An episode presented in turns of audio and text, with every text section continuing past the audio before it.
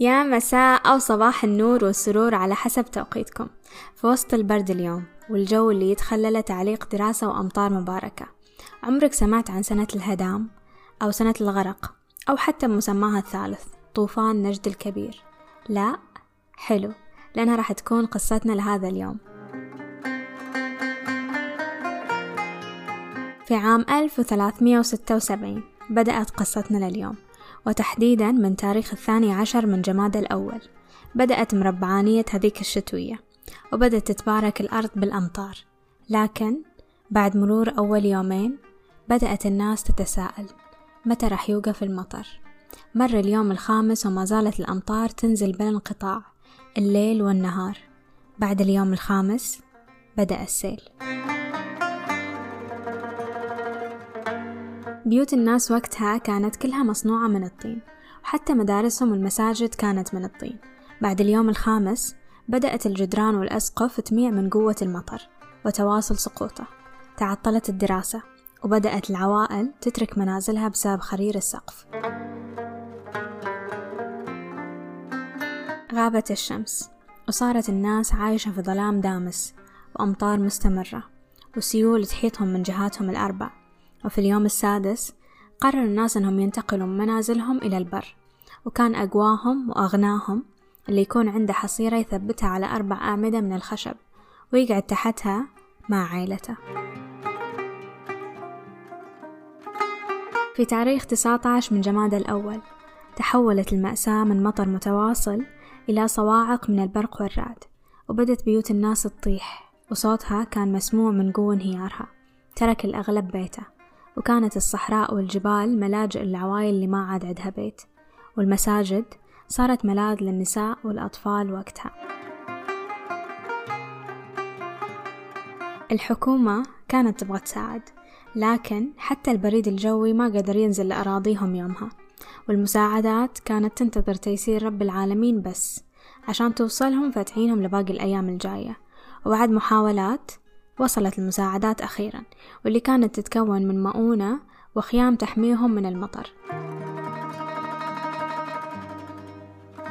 بعد مرور أربعين يوم على الحادثة المروعة قدرت البيوت التي سقطت في بريدة إلى ثلاث آلاف منزل وسالت أودية كانت جافة سابقا ومنعت وصول السيارات إلى داخل المنطقة.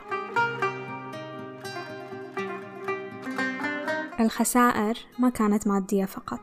ففي واحدة من القصص كانت عائلة مكونة من سبع أفراد تعيش في منزل واحد ومعاهم عروستهم الجديدة واللي كانت ماخذة الإذن من زوجها عشان تعين أهلها في رعاية والدها المريض. يومها جا الزوج ياخذ زوجته معاه فطلبت الإذن في يوم زيادة بس. ما رجع الزوج لبيت أهله إلا وخبر سقوط منزل زوجته عليها وعلى أهلها ينتظره. يومها خسرت البلد سبع أفراد من عيلة واحدة في لحظة واحدة بس. في قصة ثانية كان أساسها الطمع. جار فقير طلب من جاره ميسور الحال أن يسلفه بعض المال في بداية هطول الأمطار. ولأن ادخار المال وحفظه وقتها ما كان إلا في صرة يخشوها تحتهم وقت النوم. قرر الجار الفقير سرقة باقي المال في الليل. وفعلا نزل في بيتهم ووصل لغرفتهم اللي كان فيها الزوج والزوجة نيام. ووسطهم ولدهم الرضيع. ولأن المطر برا كان ينزل بغزارة جت فكرة للجار. ياخذه من وسطهم ويطلع لبرا البيت. لما وصلهم صوت ولدهم يصيح برا. طلع الزوج والزوجة يتفقدوا. وقتها كان الجار واقف في زاوية ينتظر خروجهم عشان يدخل.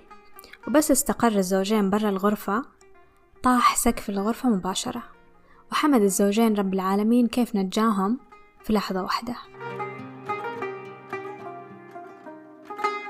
بعد أيام من محاولة رفع الأنقاض لترميم منزلهم.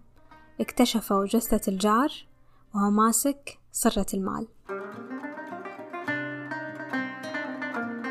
سنة الهدام لأنها هدمت ثلاث آلاف منزل في بريدة. سنة الغرق لأن المنازل في منطقة الزلفي غرقت فيها. انتشرت برقية لمدير التعليم في نفس السنة. بينت قدسية التعليم في هذاك الوقت.